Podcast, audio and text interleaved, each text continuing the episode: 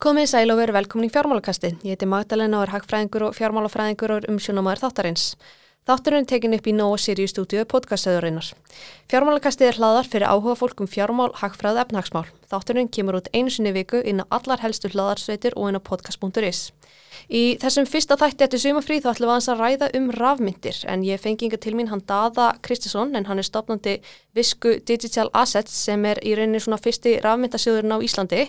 Dadi er reynslu mikill úr fjármála geranum en hann hefur starfað í um 15 ára fjármálamarkaði. Nú síðast hjá Fossum Mörgum. Dadi, verður velkomin. Já, takk fyrir það. Hérna, við ætlum að ræða um rafmyndir og svona ímislegt sem teng, tengist þeim en svona áður en við byrjum á því þá vil ég spurja þig Þú vannst í 15 ára í fjármálagerinum og áður nú stopnaði visku. Hvað var það sem að fekkið til að taka þetta skref að stopna rafmyndasjóð? Já, það er, það er saga að segja frá því. Uh, ég sem sagt hef verið að skoða rafmyndi núna í nokkur ár og það er kannski ótt að segja að fyrst, fyrstum, fyrstum sinn var ég ekki mikið að tala um það út á við.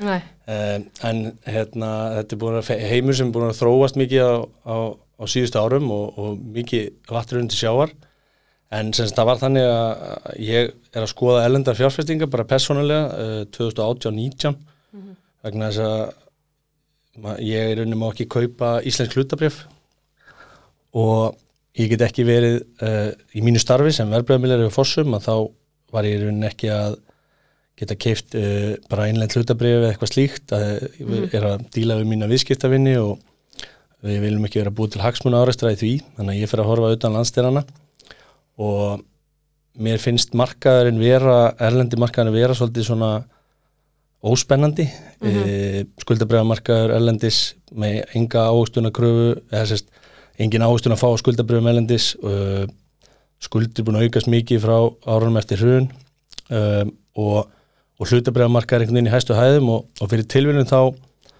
þá kynnist ég að hlusta á podcast sem fjallaði um Bitcoin. Mm -hmm. Hvaða podcast var það? Þetta var nú bara eitthvað svona podcast uh, um bandarisk hlutabrif sem að viðmælandi byrjaði að ræða þetta og, og ég held einhvern veginn að þetta væri hafa aldrei kynnt með Bitcoin og, og taldi að þetta væri mm -hmm. bara einhver villisa og, og fannst einhvern veginn ég bara, ég, maður bara maður er bara í sínum heimi, í fjármála heimi og, og, og, og dæmdi þennan rafmynda heim sem eitthvað ruggl.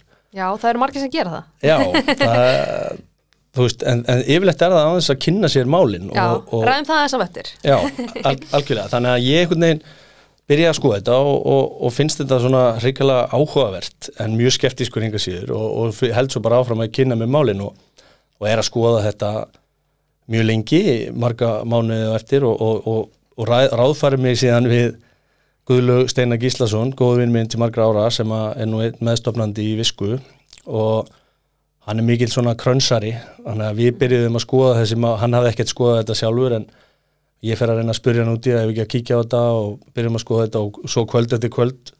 Í mjög langa tíma erum við bara að liggja yfir þessu og ræða málinn og komumst að þeirri niðurstöð að, að þetta væri alveg ótrúlega spennandi spennandi heimur uh, og þannig gekk það nú bara í nokkur ára og svo syndi maður bara hefðbundu starfi á, á daginn mm -hmm. þannig að þannig svona byrjar þetta Emitt, Og var þetta erfið ákverðin að fara frá fossum?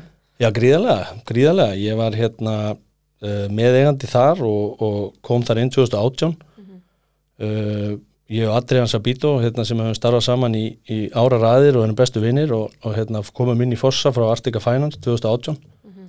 og það er gengið mjög vel hjá okkur í fossum og, og og spennandi tímar eins og kannski fólk sér að það fórsar hún í fjárfæstingabanki og, og, og allt að gerast þar og, og frábært fólk þar mm -hmm. þannig að en ég bara gati ekki hrist þessa uh, þessa flug, rafmynda flugur hausnum á mér eða hvað þú kallar það sko að mér finnst þetta bara því meira sem við nú skoðum þetta núna ár eftir ár mm -hmm. þá bara sé ég þetta sem mesta svona vaksta markaðin næstu árin mm -hmm og ég horfið sviðið hérna heima og sé að það er raunum húa lítið að gerast.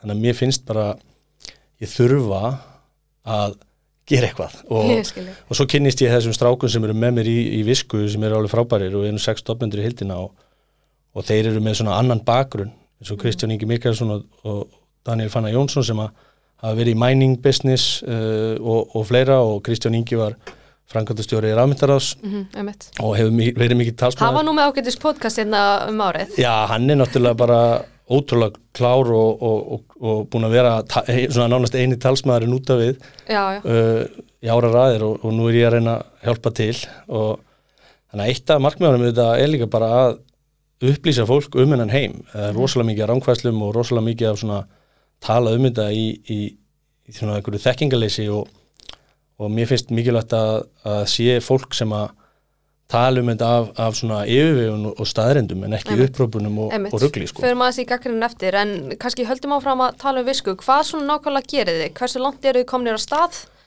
Já, við sem sagt uh, fengum heimild sem eins og heiti skráningaskildur ekstraræðili sérhæðara sjóða hjá fjármála eftirliti Sælabanka Íslands uh, í byrjun júni þannig að við erum heimild til að starfa hjá frá Sælabankanum sem er fjármála eftirliti heyrir undir og og við fórum þá síðan í kjölfarið á því á stað með sjóðin okkar í rauninni, þannig að Viska Digital Assets er í rauninni rekstra félag og svo er uh, undir því er, er sjóður sem heitir Viska Rafmyndasjóður SLHF og, og hann fyrir á stað 1. júli, þannig að við söpnum einhverjum penningum hérna í, í júni mm -hmm. og fórum á stað 1. júli og erum svo bara búin að vera einbit okkur að, að stýra uh, þeim penningum síðan þá í, í olgu sjónum sem að markaðir hafa verið og, og það hefur bara gengið ágætlega. Þannig að hérna og svo ætlum við bara að halda áfram að byggja þennan sjóðu upp en auðvitað mikilvægt fyrir okkur að að búið til sögu og, og, og track record í því sem við erum að gera. Þeir eru sex eða ekki? Já, það eru sex stopnendur, það eru þrýr starfsmenn. Mm -hmm. en í rauninni fimm af þessum sex er allir saman á skrifstofu í skóalíðinni þannig að þetta e, það, það er í rauninni mikið er þetta kryptomekka það er svona mikið af rafmynda pælingum á þessari skrifstofu sem mhm. snúa hennum ímsu þáttum rafmynda Og hvert svona stefnið þig? Hvert er ykkar markmið? Sko ég myndi segja að það sem að við viljum bjóða upp á og það sem að við vorum að horfa til er að, að bjóða fjárfestum á Íslandi þá fagfjárfestum það er það sem að við erum að með heimil til að eingungu heimil til að marka setja okkur vöru til fagfjárfesta Eh, er að bjóða þeim einfalda laust, einfald aðgengi að rafmynda heiminum eh, án þess að þurfa að sjálfur að setja sig inn í þennan flókna heim eh, án þess að þurfa að stopna veski eða hafa ágjörði hvernig er að geima rafmyndir og þess að framvegs. Það sem við bjóðum upp á er að fjárfesta geti keift hlutabrif í okkar sjóði, geimt á hefðbundnu vöslusafni og, og, og í rauninni átt þetta eins og hvert, hverja aðra hefðbundna eigg sem þeir þekkja uh, með svona exposure á rafmyndamarkaðin uh, og svo náttúrulega er bara það sem við viljum sjá er að við viljum, og mín sín er svolítið að tengja saman rafmyndaheimin og hefðbundi fjármálheim uh, og í rauninni upphafi er þetta algjörlega sitt, sitt í hverju lægi en það sem við erum að sjá er að bæði regluverk er að þróast Erlendis erum við að sjá sko stóra fagfjörfesta vera stíga stór skrif inn í hennan heim mm -hmm. þannig að þessi heimar er að tvinnast meira saman mm -hmm. og fyrir mér er algjörlega augljóst og það mun bara aukast eh, með það sem er að gerast erlendis en Íslendingar hafa lítið stíð þau skref en mm -hmm. þá og, og, og mín sín er að, að bæta það og, og hraða því ferli Einmitt, einmitt. Uh, þekking mín á rafmyndum er svona, já, frekar takmarkuð eins og bara margra, já. en jætna, uh, maður það nú ekki vita mikið til þess að heyra bara margir hafa hagnast æfintýralega mikið og eflust margir hafa færa óværilega og tapað, en ræðum að þessum, jætna, sögu rafmynda, hvernig, hérna, hvað hefur eiginlega breyst síðan þær komu fram, fyrst fram á sjónasviði? Já, það er kannski ágætt að fara að byrja hans á byrjuninu og, og einnig fyrsta, fyrsta rafmyndin sem kemur fram á sjónasviði er Bitcoin og og það er sérst þannig að, að það er svona einstaklingur eða hópur fólks sem er ekki alveg vita sem að kallast Satoshi Nakamoto sem að e, setur fram svo kalla white paper eða hvítbók um og það sem að í rauninni bara hefur verið að skilgrina bitcoin og kóðan á bakvið það kerfi. Það er byrt í rauninni hösti 2008 og sem sagt fyrsti bálkin er, er gerður eða mænaður uh, 3. janúar 2009 og það er rauninni byrjun rafmynda í heiminum þannig sem að það sem að Bitcoin kemur fram með er rauninni bara nýtækni mm -hmm. eh, sem er algjörlega byltingakent og eh, alla rafmyndir allavega flestar, byggja nákvæmlega á þessari tækni, þessari bálkakeðu tækni mm -hmm. og svona til að reyna að útskýra þetta með einföldum hætti að ef við hugsaum aðeins um internetið og inter, hvernig internetið hefur fungerað í gegnum tíðina að þá er það svo kallað, ég kalla það svona upplýsinga internetið, internet of information. Uh, allt sem þú gerir á internetinu er afritað. Hugsaðu bara hvað, þú sendir eitt tölvupóst og hugsaðu er sko hvað verður um hennar tölvupóst Veist, hann, hann, er afrita, hann er enþá í, í send items hjá þér, hann er á einhverjum mm -hmm. serverum hérna hér og þar út í bæ og svo lendir hann í, í postólunni hjá þess að hann sendir postin til og, og það er allt í lagi með einhverja upplýsingar en það er ekki lagi með verðmæti Nei. þannig að það sem að við gerðum til að reyfa verðmæti yfir internetið áður en að bitcoin komir en eina leiðin var bara að einhver þriðjaðili myndi halda utanum einhvers konar bók uh, sem að skráir inn debit og kredit eins og við tökum bara að vísa fæslu sem dæmi mm -hmm. það er ekki eiginlega peningafæsla eiga sér stað heldur er bara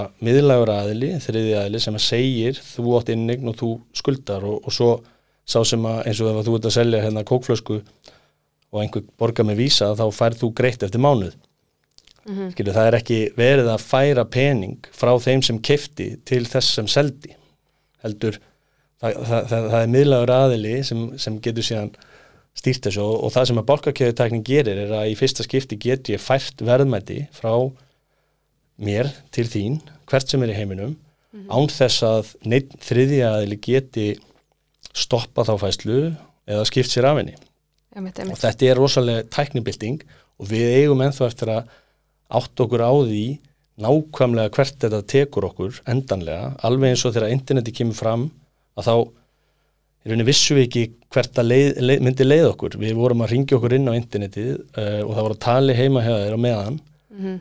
og þú varst að reyna kannski að downloada einu lægi á Napster og það tók sko klukkutíma og þú gast ekki séð tækifærin í internetinu sem að síðar komum fram. Þá.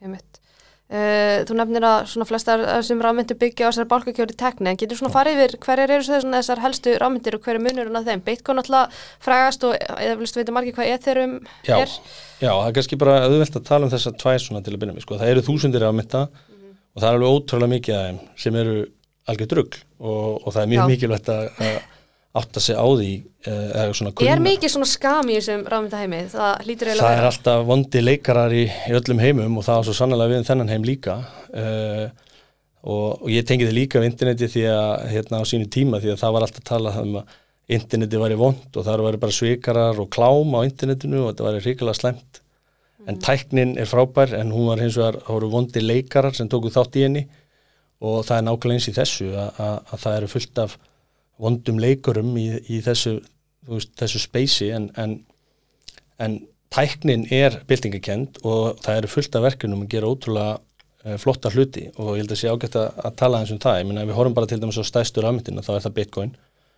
Og bitcoin er fyrsta rafmyndin og, og hún svona eins og ég sé bitcoin og það eru margi sem að horfa það með mismunandi hætti en eins og, eins og það horf, horfum við mér að þá er það svona helsta uh, hvað er það maður, value proposition eða helsta svona narrativið í Bitcoin núna er í rauninni bara að vera langtíma geimsluvermandi og, og það hefur auðvitað reynd á það í miklum sveplum en, en staðrindir hins vegar svo að það hefur gefist mjög vel og horfir yfir lang, lang, lang tímabil.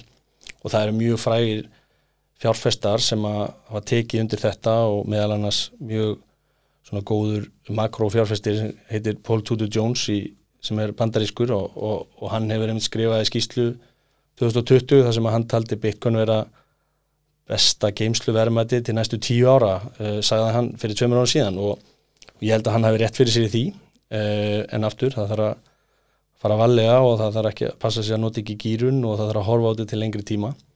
Þannig að Bitcoin er svona svolítið eins og gull og ég kalla oft stafrænt gull og gull er auðvitað bara nota mikið þessum tilgangi að vera einhvers konar langtíma geimsluverðmæti mm -hmm.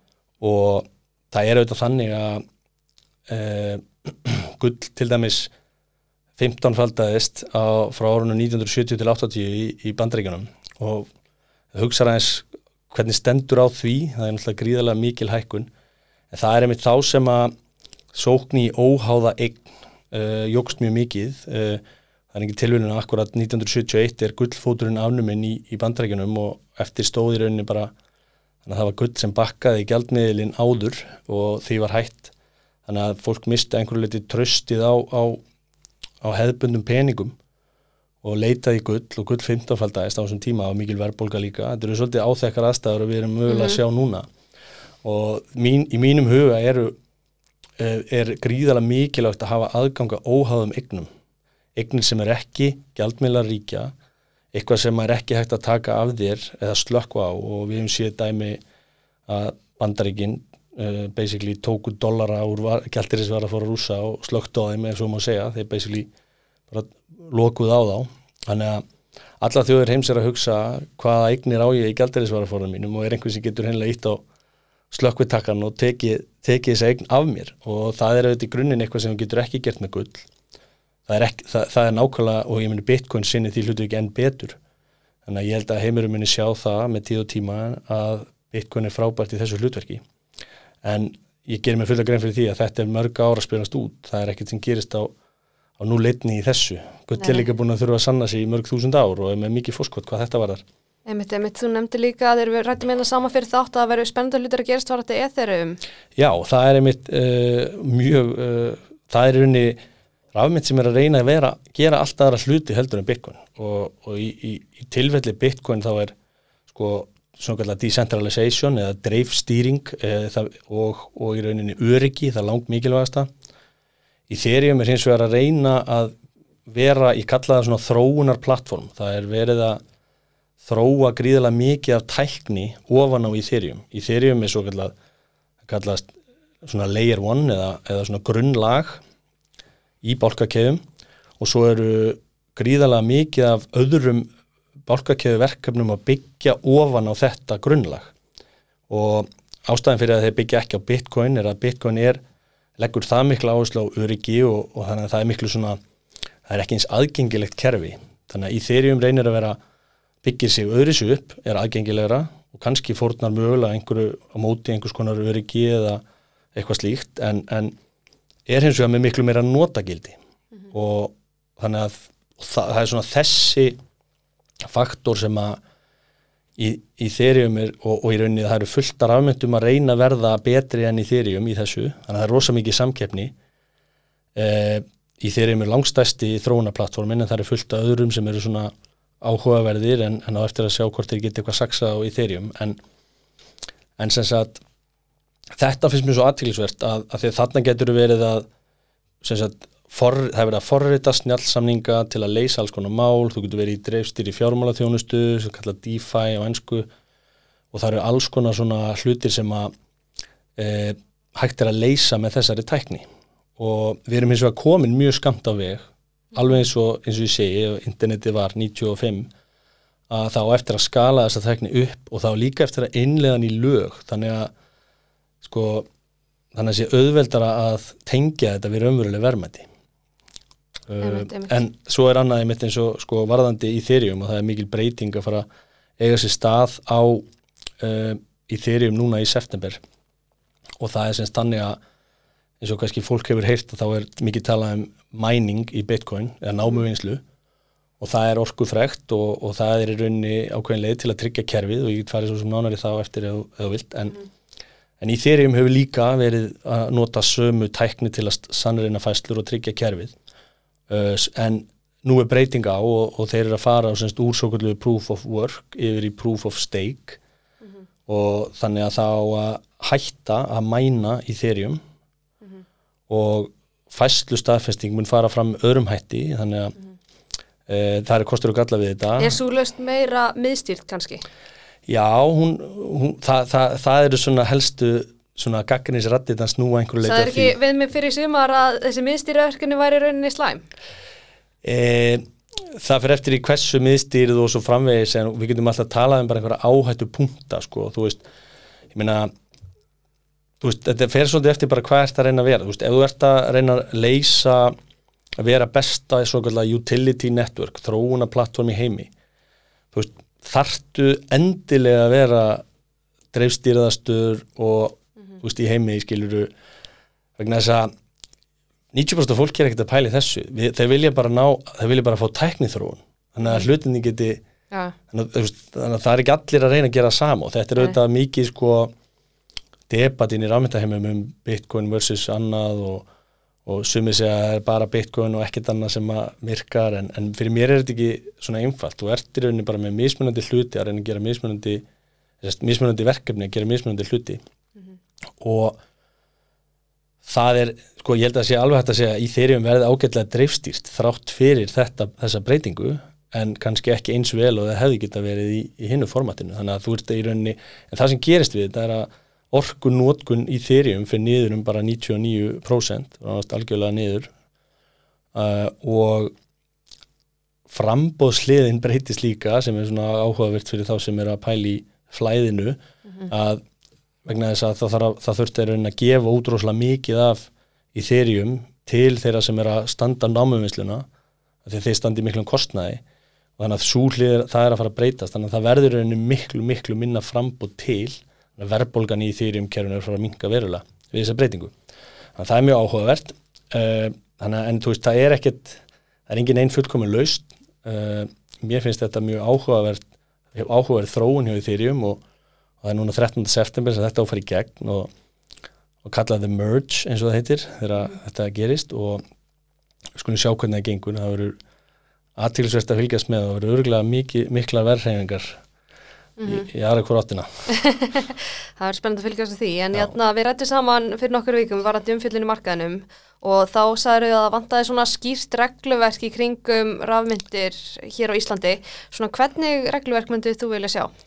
Já, ég kannski við tala um regluverk bara líka bara alþjóðlega sko að, að það sem að mér finnst leiðilegt að sjá er þegar að augljósir eh, svona svikarar er að starta einhverjum verkefnum sækja peninga fólki sem að það liggur alveg fyrir frá fyrsta degi að þetta er ekki að fara að verða neitt og þú veist, mér, mér finnst mikilvægt að við einhvern veginn reynum að svona venda saklaust fólk sem er ekki átt að sjá því hvað það er að gera.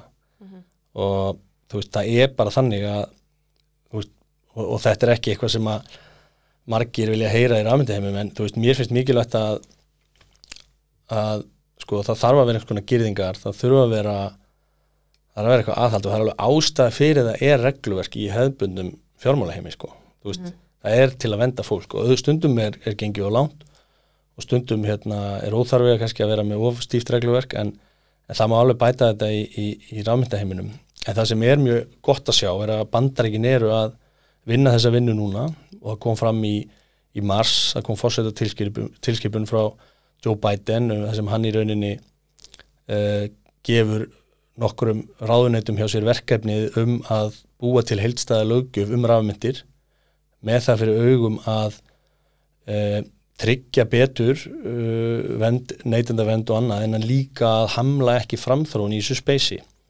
Að því að bandarækinni farin að sjá að þetta er næsta Silicon Valley það er allavega eins og ég sé þetta að þetta er mikið, það er gríðarlega mikið af fjármunum að fara í þróun í þessu speysi uh, og svona okkurlega vísispenningur að, að fara þannig inn mikið af störfum að verða til þarna og svo framvegis. Og þetta eru, bandarækjuminu segir ég að átta sig á þessu og þeir náttúrulega tóku vel utan um, um Kísildalinn. Og þeir eru farin að taka mun betur á móti þessu núna og, og, og, og það er jákvæmt fyrir geiran Emmett, hérna, en hér á Íslandi, telur að sé einhver pólitísku vilji til að koma upp einhverju regluverki kringu rafmyndir hér á landi? Já, ég veist, það, það er svona sem eitt af þessum verkefni sem að ég þarf eiginlega líka sjálfur að, að fara í, mér langar svolítið að að hitta þetta bara fólki í stjórnkerfinu meira og, og aðeins að bara svona átta mig betur á, á stöðinni, þú veist, hvað er að gerast og, og upplýsa fólk aðeins meira með hennan heim og, og en, en að við virðumst auðvitað bara að fylgja Evrópu í þessu eins og flestu öðru við erum, veist, undir innlegum flestar Evrópu reglugerðir og, og það er líka verið að þróa eh, frumvarp í Evrópu sem við munum eflust innlega líka. Þannig að, við erum segi, við erum svolítið snemma í þessu ferli, það er bara þannig. Mm uh, og það á margt eftir að gerast á næstu árum. Uh, og meira minna held ég að það verði allt til þessi fallið að bara auka aðgengi, auka þáttöku og svona stimpla þetta þennan eignaflokk sem eitthvað sem að fólk getur tekið þátt í Einmitt, einmitt. En nú eru mjög margir sem gaggrina rafmyndir og jæna, margir sem eru að gaggrina rafmyndir, ég held að það sé bara óvitt að segja, er ekki veitlisingar sko. Nei, nei, ekki það. Hérna, uh, en hérna, já, vilja meina að þessi bákvæfmennska, það sé ekkit virða bakveit og svo framvegis. Hérna, getur skilið eitthvað þegar gaggrinni eða svona hvað gaggrinni er réttmætt, hvað gaggrinni er ekki réttmætt? Já, sko, það fer auðvitað rosalega töðan með þegar maður sér gaggrinni uh, fólks, uh, sem að segir bara að þetta hefur bara verið í null og, og er bara spáköpmennska og vittlisa og þá getur ég bara tekið dæmi um uh, aðela sem er að stúsast í þessum allar Bitcoin er, er, er, við tökum það bara sem dæmi. Það eru viðskipti með það öllum tímum sólarhengsins, þetta er opið 24-7 365 ári það er alltaf hægt að selja þetta eða kaupa þetta. Og það er alltaf einhver tilbúin að gera það. Uh, þar á meðal erum við að sjá uh, risastóra viðkenda aðila eins og Fidelity Investments í bandaríkunum og, og BlackRock taka stór skrifin innan heim. Þannig að og ein, eins og við séð einn besta vonasjós fjárfesti sögunar Stanley Druckenmiller tala fyrir Bitcoin og, og svo framvegist þannig að ég bara ég vil heyra þá einhver alveg rög ég vil heyra þú veist uh, af hverju þessir svo kvöldu snillingar vita betur en allir þessir uh, stóru aðilar út í heimi sem er að taka þátt í þessum gera. Myndur þú segja að ein, svona, þessi gaggrinni eins og að þetta hafi verið núl bara sé bara byggt af alþekking og fólk hafi bara ekki kynnt sér málun og vel eða? Ég, mér finnst það mjög oft vera þannig, já. Uh, það er eins og ég segi, það má gaggrina ákveðna hluti í þessu en það... Hvaða hluti í þessu? Já, það, myna, nei, það, það er bara eins og, þú veist, uh, einhver verkefni sem að eru augljóslega bara eitthvað rugg eitthvað svona skam eitthvað já, já. Þú, veist, og, þú veist, það eru bara það er alveg vondi leikara sem að reyna að hérna, búa til eitthvað hundatákna verkefni sem að þú veist, á bara að búa til eitthvað hæp og, og svo er ekkert að bakvið áttaldur að vera með þetta bakvið, sko, þú veist og, og, og þú veist, þetta er það ekki það sem þetta snýst um, sko. þú veist, þetta snýst um raunverulega tækni sem er að fara að breyta í hvernig verðmætti færast til í stafrannum heimi. Það er það sem þessi geiri snýst um. Uh, og, og ég er bara algjörlega samfærður um að þetta er uh, en þú veist eins og ég segi að þetta er svo geiri sem að muni vera algjört breykþrú bara sama hátt og interneti var þegar það var að riða sér til rúms Einmitt, einmitt. Hérna, já, kannski einhverju sem þurfa að kynna sér mála betur. Erstu með svona eitthvað lesafni sem þetta er í hug sem væri gott fyrir fólk sem vil kynna sér rafmyndir betur? Sko, Þetta er ótrúlega mikið torf og það er hérna, tók mig gríðalega langan tíma að ná utanum þetta allt saman uh, að því að fyrst aðeins líka vist ekki alltaf hvað þetta leita Nei.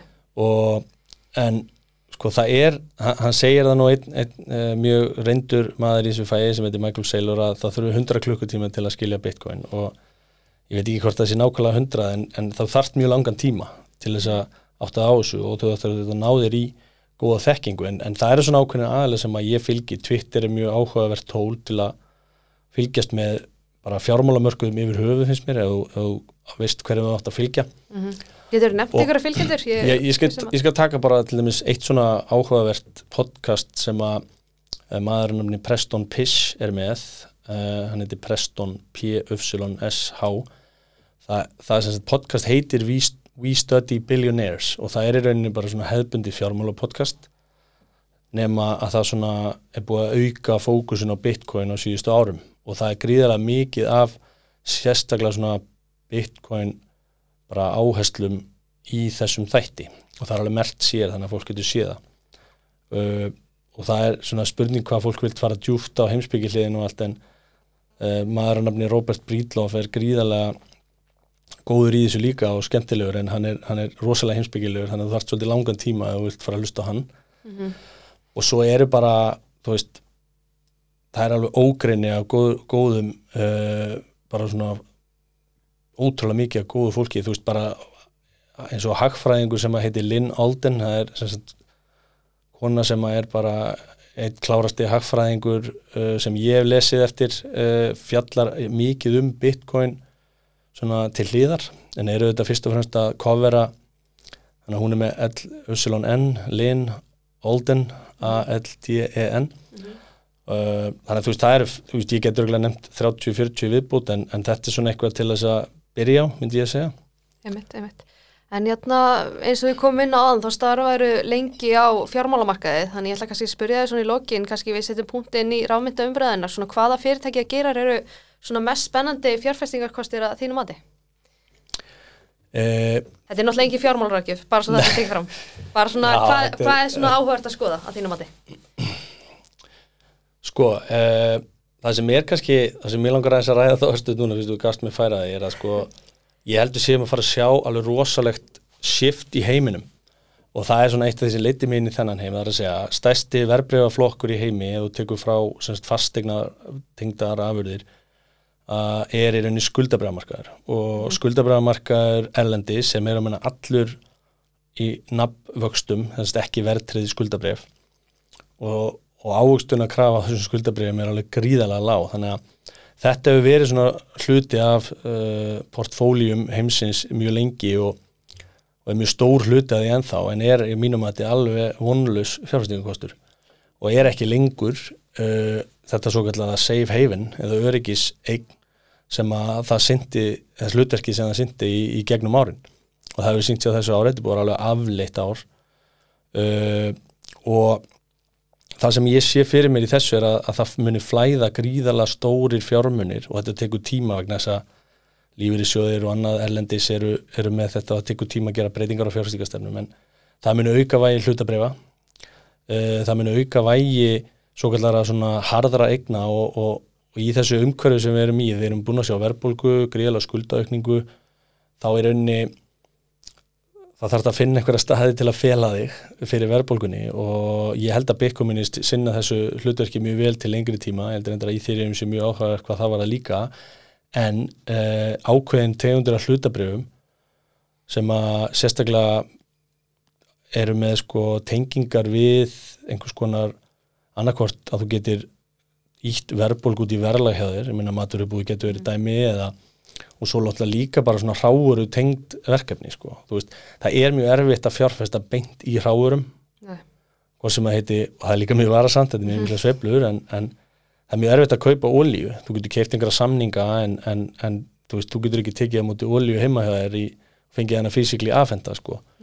Þannig að hérna þannig að ég myndi segja sko veist, ok, Ísland er undaskilu að við erum náttúrulega Ísland, Íslandi að þá er sko skuldastæða í Íslandi miklu betur en annar staðar. Uh, við erum ekki búin að vera að prenta peninga út í óendalega þannig að við náttúrulega líka tók, neittumst til að taka til eftir hrun og, og byrjuðum svona með clean slate þegar það var allt frágengið. Og við höfum bara notið góðs af því núna. Þannig að hér er sko vakstastig frekar hátt, skuldsetning lág og það er ekki raunhæft að fjárfæsti í skuldabröfum hér, þú getur fengið jákvæða ástunarkröfu á, á verðtriðum skuldabröfum það er, það er mjög áhugavert til dæmis en svo er bara íslensku hlutabræðamarkaður að mínum að þetta er mjög spennandi og, og, og skemmtilegur og, og hann er að, að vaksa mikið.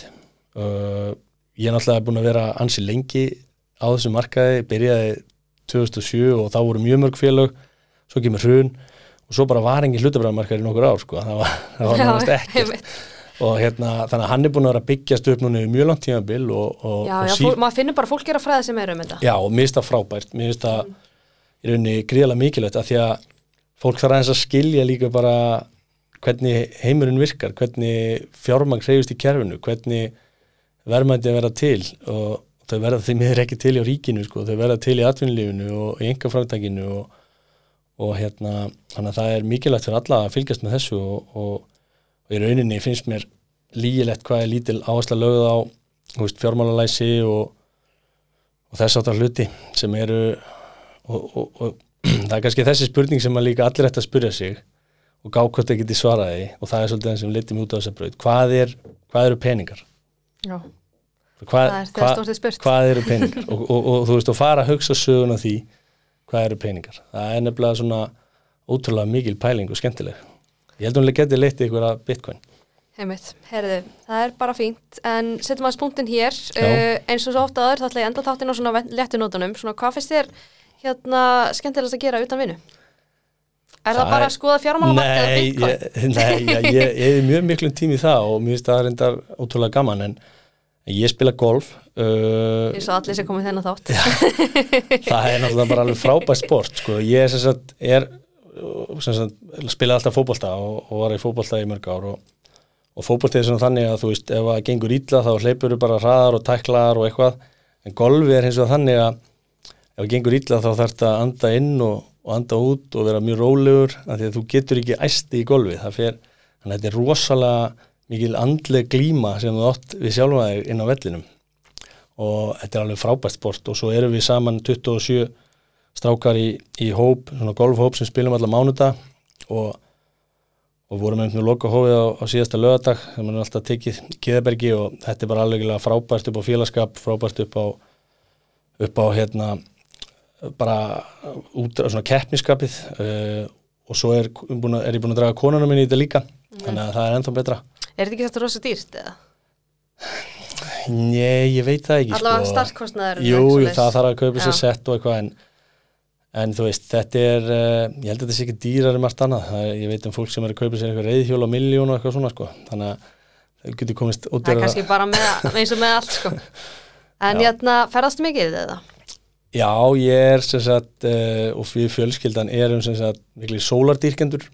Mm -hmm. og mér finnst ég ekki geta verið of lengi á Íslandi einu þannig að við förum rosalega mikið til Spánar, það er svona okkar svolítið góð-tú staður. Sem við farum mjög víða á Spáni og, og verið á bara te, líka bara Tenerife og, og, og svo framvegist þannig að það er og svo eru golfferði líka svona þetta eitt af skemmtilegast sem ég geri sem að yfirleitt er á Spáni líka. Þannig að að já, ekki spurning, ég vil vera í, í sólinni og að þegar maður býr á þessu kalda landi þá er nöðsynlegt að komast í burtu inn á milli. Eflaust maður ekki sammála því en hérna þú ert með grunn í verkfræði og já. hérna mistargræði fjármálahagfræði uh, hvað var það svona sem heitlaði við fjármálageran? Akkur ákvæmstu tókstu það ákverðin að fara þangað? Já, nú skulum við fara aftur í tíman og árið er 2007 og ég er, ég er í verkfræðinni þá og, og það er snýst allt um fjármálageran og já og ég sagt, hafði alltaf ákveðið að ég fór í verkvæði var í verkvæði Háskóla Íslands og læriði yðnaða verkvæði og það var semst ekkert búið upp á fjármálaverkvæði eða neitt á þessum tíma í Háskóla Íslands. Þannig að yðnaða verkvæði var svona það sem komst næst í. Svo valdi mann einhverja fjármálakursa en ég raunni fór í verkvæði að því að það átt að vera svo leið sem að geti haldi flestum möguleikum opnum. Mm -hmm. og það var það svo sannlega þannig að hérna en svo bara sá ég að mér langaði að fara inn í fjármálageran ég, ég veit ekki Varstu þá í hagfræðinni 2008 eða eitthvað þegar Nei, svo byrjaði því bara setna ég var, ég, hana, hana, sko, ég var í rauninni ég fó bara að vinna strax 23 ára gammal í Æsbank uh, sem var gríðarlega skemmtileg reynsla og, mm -hmm. og það var einfalda bara þannig að það var svo mikið að gerast og það, voru, það vantaði starfsfólk. Þannig að maður fekk rosalega mikla ábyrg ég var bara fyrir tilvílun í rauninni og, og verð miðlari sko, sem að í rauninni endaði með að vera meira með allar tíð sko. mm -hmm. og var í gældir svo afleiðu miðlun Æsbank uh, og það var gríðarlega lærdomsrikur tími og, og sama tíma var ég að spila fókbalta í stjörnunni og, og hérna hættir hennilega í fókbalta eftir þetta sumar vegna þess að mér fannst þetta svo ótrúlega skemmtilegt vinnunni að ég gati ekki lengur bara sé fyrir mér að láta fókbaltan tröfla mig sko. Nei, þannig að hérna þannig að það er einhvern veginn bara ég fór inn í þennan geira og, og hef eiginlega ekkert vilja fara úr honum sko. Þannig þú vannst í einhver tíma allavega í þessu góðæri svo kallega Já og það var bara Hvernig lífstinsla var það? Það var bara algjörlega frábær tími og, og, og ég er svo gladur að hafa fengið að upplifa að vera báðu megin við hrunið og, og líka eftir að rosa þakkladur að hafa farið í gegnum þetta, ég var í litlum banka sem að endaði nú með að fara á hausin sem var mjög leðilegt en, en, en upplifunin og í rauninni lærdómurinn sem hún tekur af þessu öllu og auðvitað eftir á higgja, maður er náttúrulega mjög ungur og, og það var svona margt sem betur mátti fara og, og ég held að maður ég held að hafi hjálpað mér setna mér að hafa farið í gegnum þetta. Þannig að það var ekki til þess að ég allavega var svo skelkaður ég fór að gera eitthvað annað Nei, einmitt, hérna, en ef þú ert að mæla með einni bók fyrir hlustundu fjármálakassins, hvaða bók væri það? Sko, ég er ég er rosalega gaman að lesa um hitt og þetta og hérna, ég er náttúrulega algjört fjármálanörd og, og það er svona kannski fyrsta sem að með dettur í hug er bókin sem að Haldur Freirik Þorstensson sem er stopnandi HF Verbreyfa þar sem ég fór að vinna eftir, eftir hrunnið hann leti alla lesa bókina Lies Poker sem fór að vinna í, í HF Verbreyfum og hún er skrifað Michael Lewis hún er mjög svona skemmtileg bók sem fjallar um Hann er góður, góður blaðmar reytvendur. Já, og hann er í rauninni, hann vinnur í, sem, sem uh, vinnur í Salomon Brothers sem var svona mjög stort batteri uh, í hérna og skuldabrega hús mikið uh, á hérna áttunda áratögnum uh, í bandaríkunum og, og hann er að lýsa svona öllu sem er að gerast öllum dílunum og, og markarinn er náttúrulega rosalega mikið svolítið að vera til á þessum tíma þannig að þetta er rosalega spennandi og greiðlega tækifæri sem koma og og svona, og þetta er bara ótrúlega skemmtilega, hann er alltaf góður að skrifa þetta líka á Michael Lewis, þannig að þetta var einhvern veginn á þessum tíma frekar snemma á mínu ferli, fannst mér þetta alveg ótrúlega skemmtileg bók, ég held að margir hefur gaman að lesa hana, en ef maður ætti tala um eina bóki viðbútt Já, ekkert mál. að þá er sem sagt þá er ég ekkert að lesa, er að, er að klára hérna eh, bókina Total Recall uh, eftir Arnold Schwarzenegger. Og þessi sjálfsæði segja hans.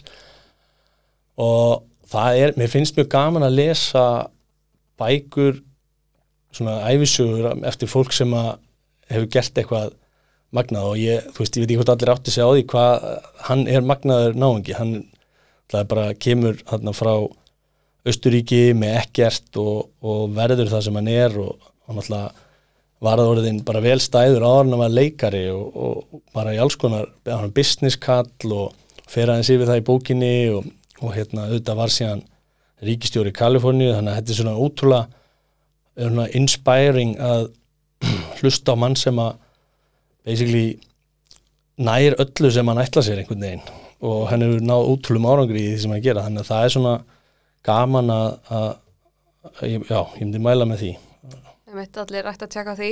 En þú talaði áðan um að þú veri algjört fjármálanörd, þannig Já. ég verð að spyrja þig, hvað er besta fjármálamynd allar tíma?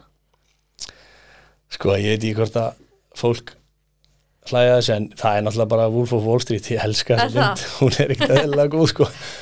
Já, mér fannst hérna Big Short betri. Já, Hún hún, er svo- hún frábær, vel hún er algjörlega frábær Og en hérna- ég bara, það er, þú veist, auðvitað er Wolf of Wall Street ekki bara fjármálumynd en það er bara svo gegn, mér finnst hún bara svo skemmtileg sko. ég, ég verð bara að segja hana Ok, herru, en hérna, eh, þá eru þetta bara lokið í kvöld. Er eitthvað að loka sem þú vilt koma á framfæri? Eitthvað varandi framumdir, eitthvað bóðskapur eða eitthvað slíkt? Ég held bara, þú veist, það sé mikilvægt að að fólk kynni sér málin, uh, hér eru við bara með eignaflokk sem að er að reyða sér til rúms uh, og hann er bara að fara að vera stækkandi og taka meira plás eftir því sem að tími líður. Og það er allavega það versta sem gerist er að fólk kynni sér eitthvað og er þá ekki hrifið það en, en mín reynsla er svo að öllum sem ég þekki að þeir sem setja sér virkilega inn í þetta þeim finnst þetta áhugavert og, en það vandamálið er bara hvað er mikil vinna að setja sér inn í þetta. En það þá alltaf að hafa samband um mig og spurja hvað, hvað mögulegu shortcut ég get reynda að bjóða upp á og hjálpa með þetta. Já, þannig það er ekki, engin svona fljótli leið sem við getur bóðið upp á. það, er, það er alveg, alveg eins og ja, það, það er ekkert quick buck í lífinu með neinum hætti og það er heldur ekkert engin shortcuts í þessu. Þú þarf bara að gera vinnuna. Já, en auðvitað þú veist eins og ég segi, bara að reyna að leita sér aðstofar og, og til að hafa leiðina eins stutta á hægt er mhm. en, en hérna veist að það er bara að reyna að hugsa þetta til lengri tíma og, og eins og ég segi, þessi eignaflokkur er bara komin til að vera og er bara að fara stekkandi Herru, frábær lokur, daði þakka kjalla fyrir komuna. Já, takk sem leis Fjármálakastið verður ekki lengri í dag en ég vil minna á Instagram og Facebook síðu Fjármálakastins þar sem allar upplýsingar koma um nýjustu þættina. Nýr þáttur er svo ættalur í næsta viku, þanga til verið sæl.